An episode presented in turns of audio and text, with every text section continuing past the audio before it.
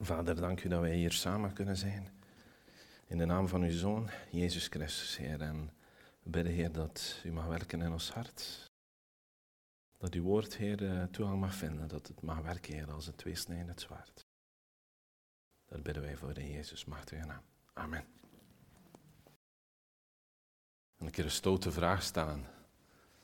Wie van jullie vindt van zichzelf dat hij een ongelovige Thomas is? Jullie lossen de verwachtingen in.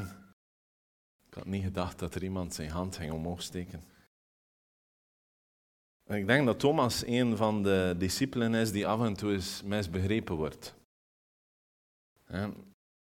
Als je kijkt in, in Matthäus hoofdstuk 10, vers 3, dan zien we dat Jezus zijn twaalf discipelen bij zich roept. Ja? En we zien dat ook in Marcus hoofdstuk 3. We zien op verschillende plaatsen in feite de namen van de discipelen verschijnen. Maar Thomas was een van die twaalf discipelen die dichter bij Jezus stonden.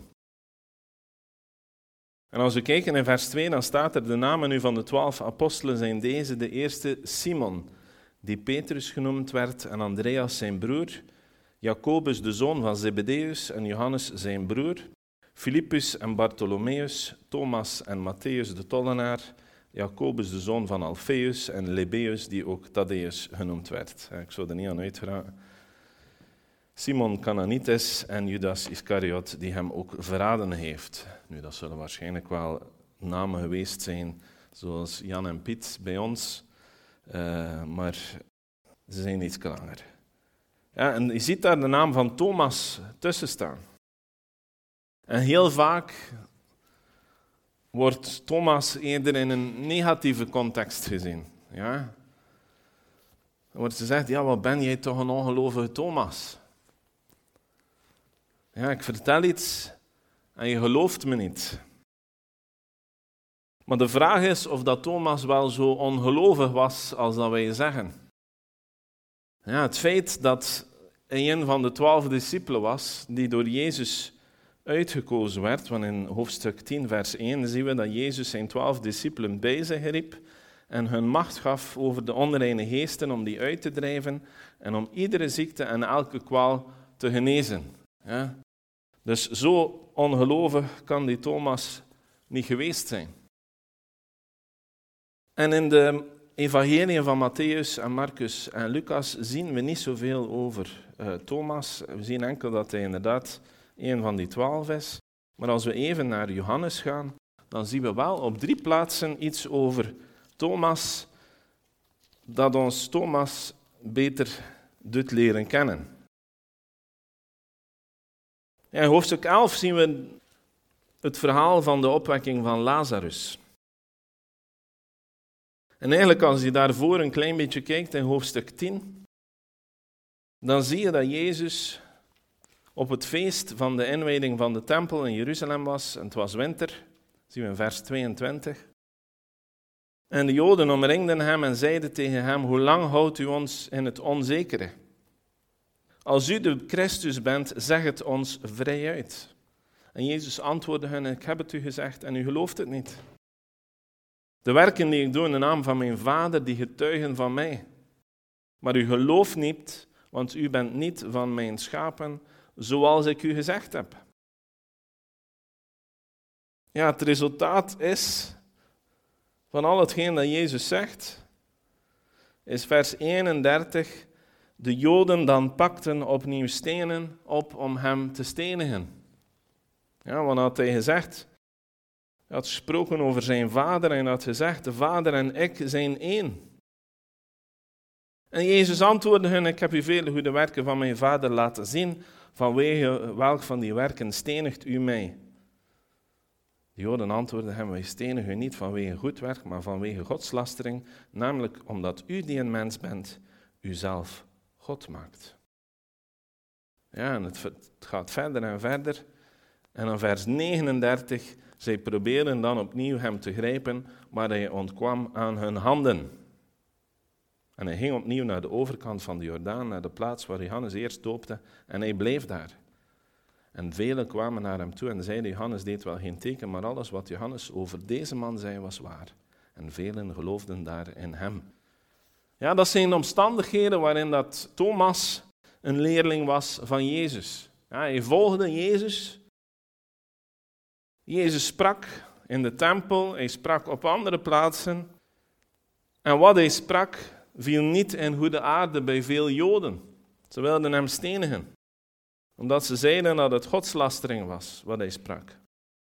Omdat hij zei dat hij de zoon van God was.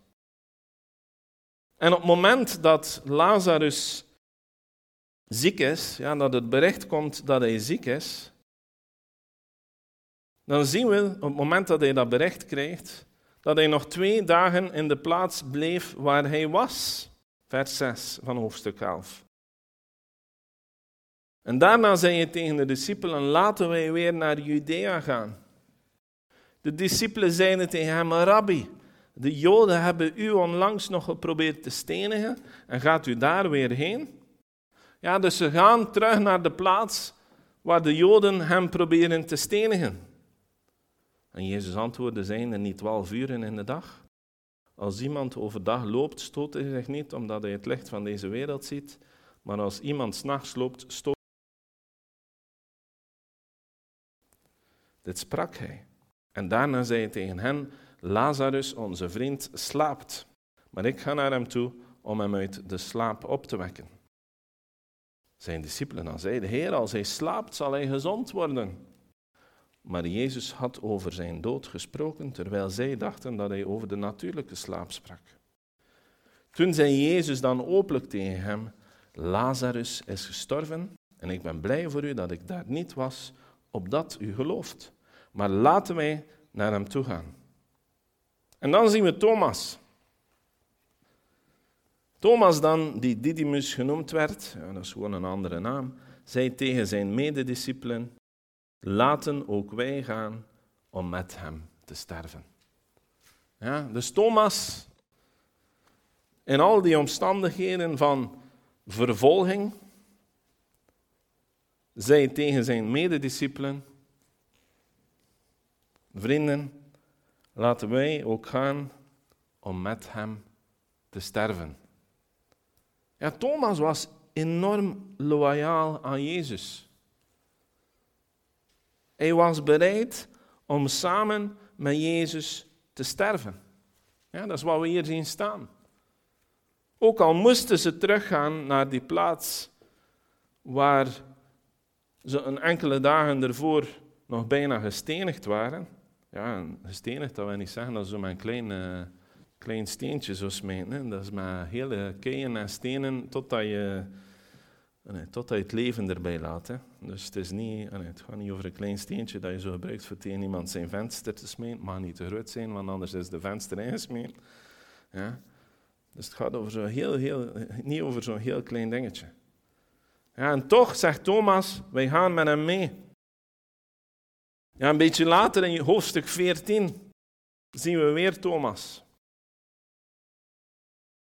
Nadat het avondmaal plaatsgegrepen had, en Judas Iscariot vertrokken was, zei Jezus tot zijn discipelen, lieve kinderen, nog een korte tijd, vers 33, hoofdstuk 13, nog een korte tijd ben ik bij u. U zult mij zoeken en zoals ik gezegd heb tegen de Joden, zo zeg ik het nu ook tegen u. Waar ik heen ga, kunt u niet komen. En vers 36 zegt Petrus tegen hem, Heere, waar gaat u heen? Jezus antwoordde hem, waar ik heen ga, kunt u mij niet volgen, maar u zult mij later volgen. Petrus zei tegen hem, Heere, waarom kan ik u nu niet volgen? Mijn leven zal ik voor u geven. Jezus antwoordde hem, zult u uw leven voor mij geven? Voorwaar, voorwaar, ik zeg u, de haan zal niet kragen, voordat u mij driemaal verlogend zult hebben.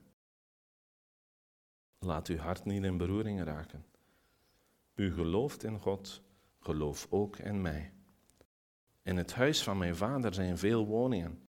Als dat niet zo was, zou ik het u gezegd hebben. Ik ga heen om een plaats voor u gereed te maken. En als ik heen gegaan ben en plaats voor u gereed gemaakt heb, kom ik terug en zal u tot mij nemen, opdat ook u zult zijn waar ik ben. En waar ik heen ga, weet u, en de weg weet u. Thomas zei tegen hem, Heere, wij weten niet waar u heen gaat. En hoe kunnen wij de weg weten? Jezus zei tegen hem, ik ben de weg, de waarheid en het leven. Niemand komt tot de Vader dan door mij. Ja, Jezus zegt, ik ga heen. Ja, discipelen zijn bedroefd. Heer, waarom kan ik u nu niet volgen, zegt Petrus. Mijn leven zal ik voor u geven. En Jezus zegt, nee, het zal niet zo zijn. En dan zegt hij, ik ga plaats, ik ga heen en ik zal plaats maken voor u. En hij zegt in vers 4, en waar ik heen ga, weet u, en de weg weet u. En op dat moment zien we Thomas die zegt tegen de Heer Jezus, Heer, wij weten niet waar u heen gaat. En hoe kunnen wij de weg weten? Ja, we zien Thomas die bij Jezus wil blijven. Thomas wil niet weg van Jezus. En oké, als hij dan toch moet afscheid nemen van de Heer voor een korte tijd, dan wil hij wel weten waar hij heen gaat. En wil hij wel weten hoe hij bij Jezus kan geraken.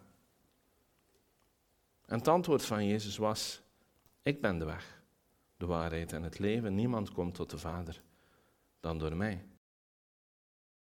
Als u mij gekend had, zou u ook mijn Vader gekend hebben. En van nu af kent u hem en hebt u hem gezien. Ja, Tom, Jezus zegt tegen Thomas: Ik ben de weg. Waar ik heen ga, daar zul u komen via mij. En dan gaan we naar hoofdstuk 20, ja, de, toch de meest bekende passage over Thomas. Maar ik denk dat het tot nu toe al duidelijk moet zijn dat Thomas wel degelijk geloofde. Ja, we zeggen wel dat hij een ongelovige Thomas is. Maar eigenlijk is dat niet zo. Thomas was een van de discipelen van Jezus. Hij volgde Jezus drie jaar lang, door alle omstandigheden heen. Hij liet alles vallen om Jezus te volgen. Hij was bereid zijn leven te geven voor zijn Heer. En als hij iets niet begreep, dan vroeg hij het aan de Heer om het uit te leggen. Ja, in die zin moeten wij meer zoals Thomas zijn. Namelijk dat wij ons leven voor de Heer willen geven. En als wij iets niet begrijpen, ja, Jacobus zegt dat in zijn brief, ja, als je wijsheid nodig hebt, vraag erom.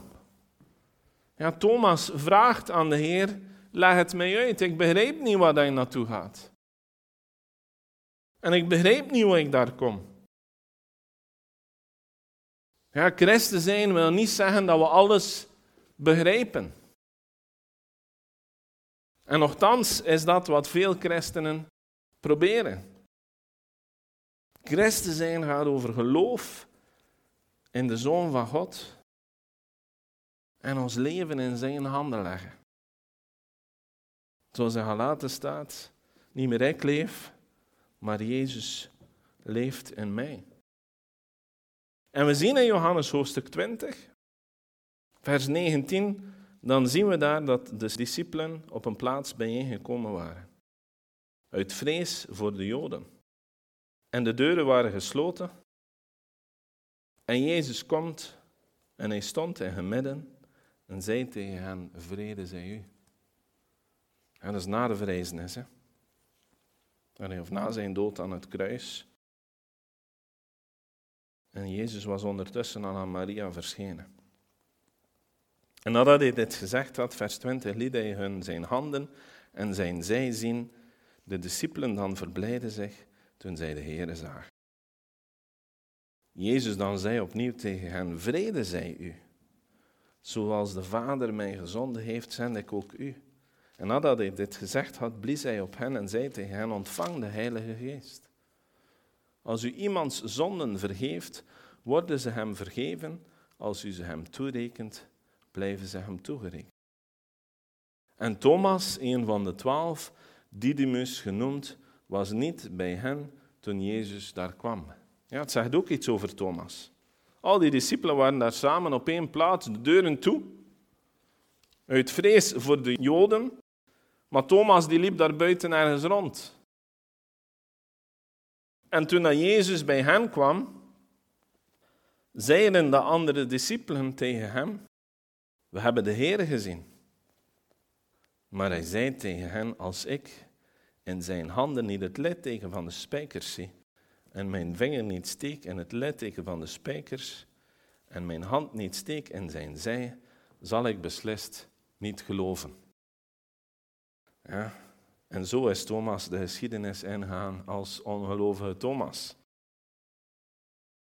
Wat zegt Thomas hier eigenlijk?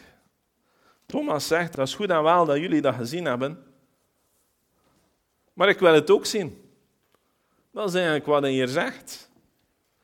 Als ik dat niet kan doen wat jullie gedaan hebben, zal ik beslist niet geloven dat Jezus verrezen is.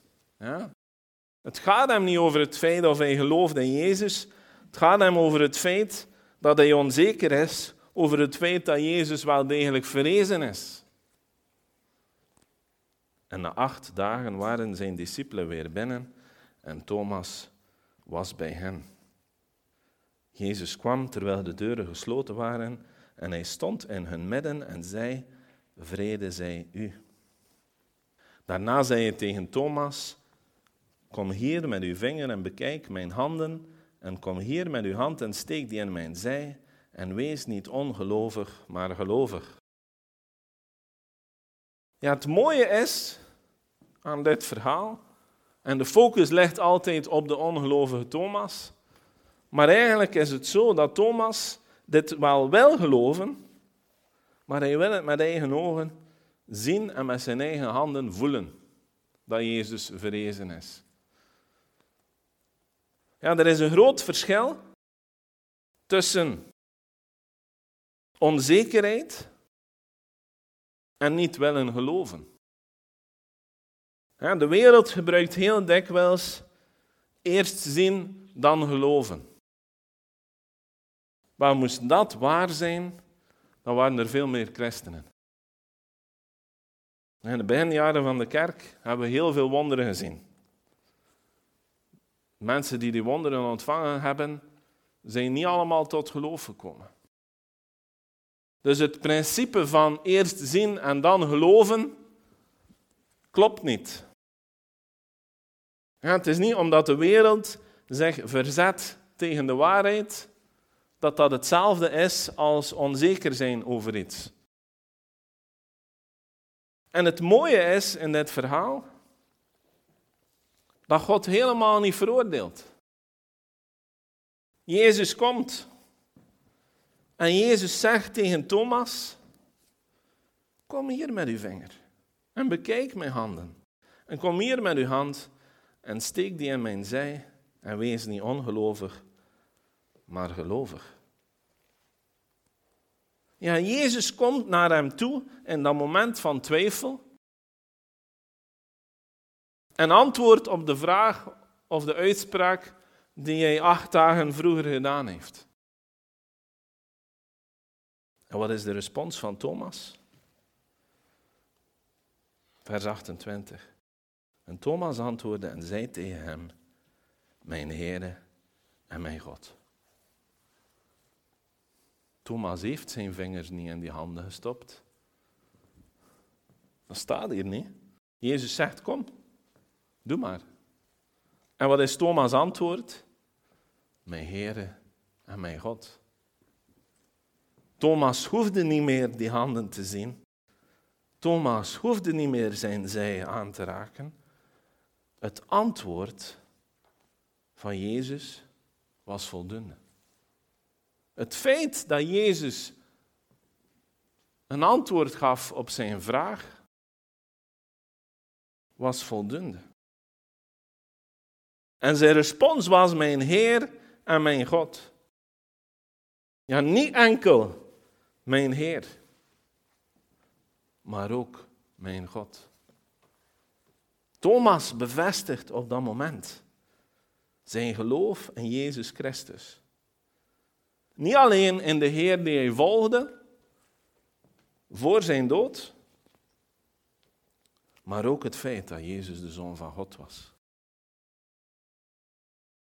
Ja, dus Thomas is misschien wel niet zo ongelovig als dat we soms denken. Thomas was bereid zijn leven te geven voor de Heer. Thomas werd uitgestuurd door Jezus samen met de andere twaalf om wondere werken te doen.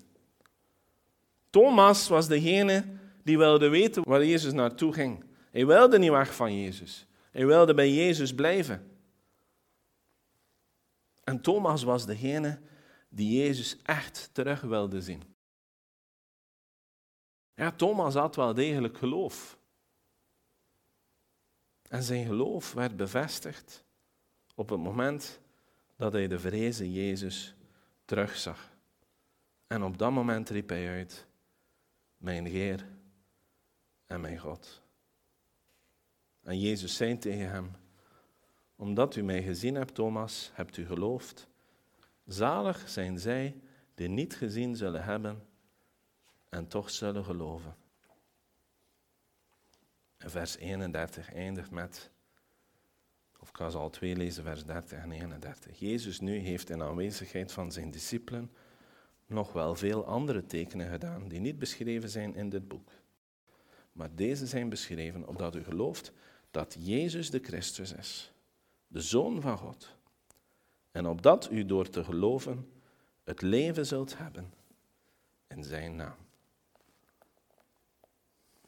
Ja, het punt waar dat wij allemaal moeten toekomen, of reeds toegekomen zijn, is dat wij kunnen uitroepen zoals Thomas, mijn Heer en mijn God. Ja, mijn Heer wil zeggen, ik geef mijn leven aan u over. Mijn God wil zeggen dat we beleiden dat Jezus de Christus is, de Zoon van God. En als wij dat geloven, dan zullen we leven hebben in Zijn naam. Ja, dat is de belofte die God ons doet. Ja, het gaat niet enkel over Hem beleiden als Heer, maar ook Hem beleiden als God. Ja, er zijn velen die zeggen, ja, de leer van Jezus, dat was een goede leer.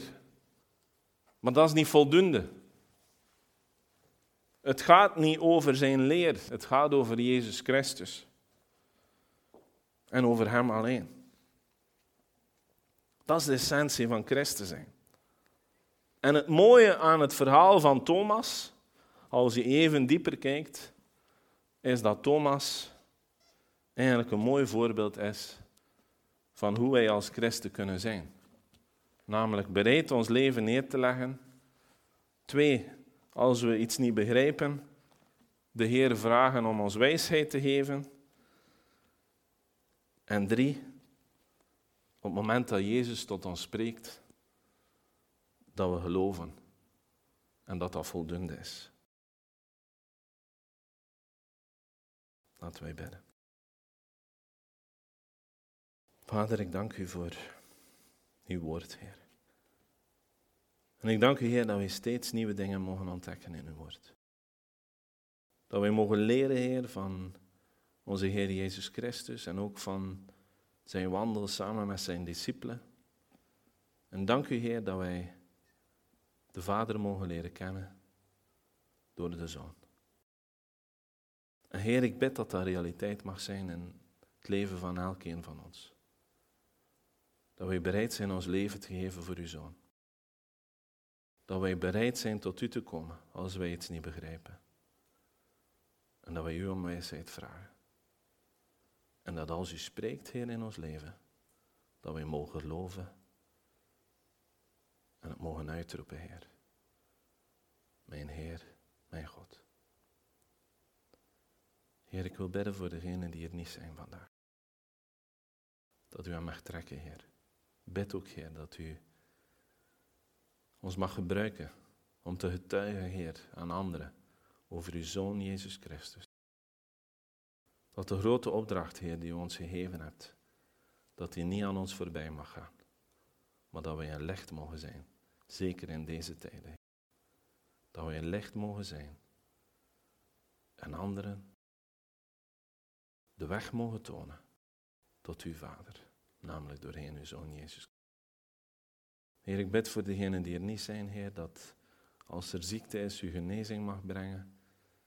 Als er andere zaken zijn, Heer, die hen weghouden, dat, dat u die mag wegnemen, Heer, en dat u hen mag dringen, Heer, om hier te komen. Dat wij in eenheid, Heer, uw naam groot mogen maken. In de naam van uw Zoon Jezus Christus. Amen.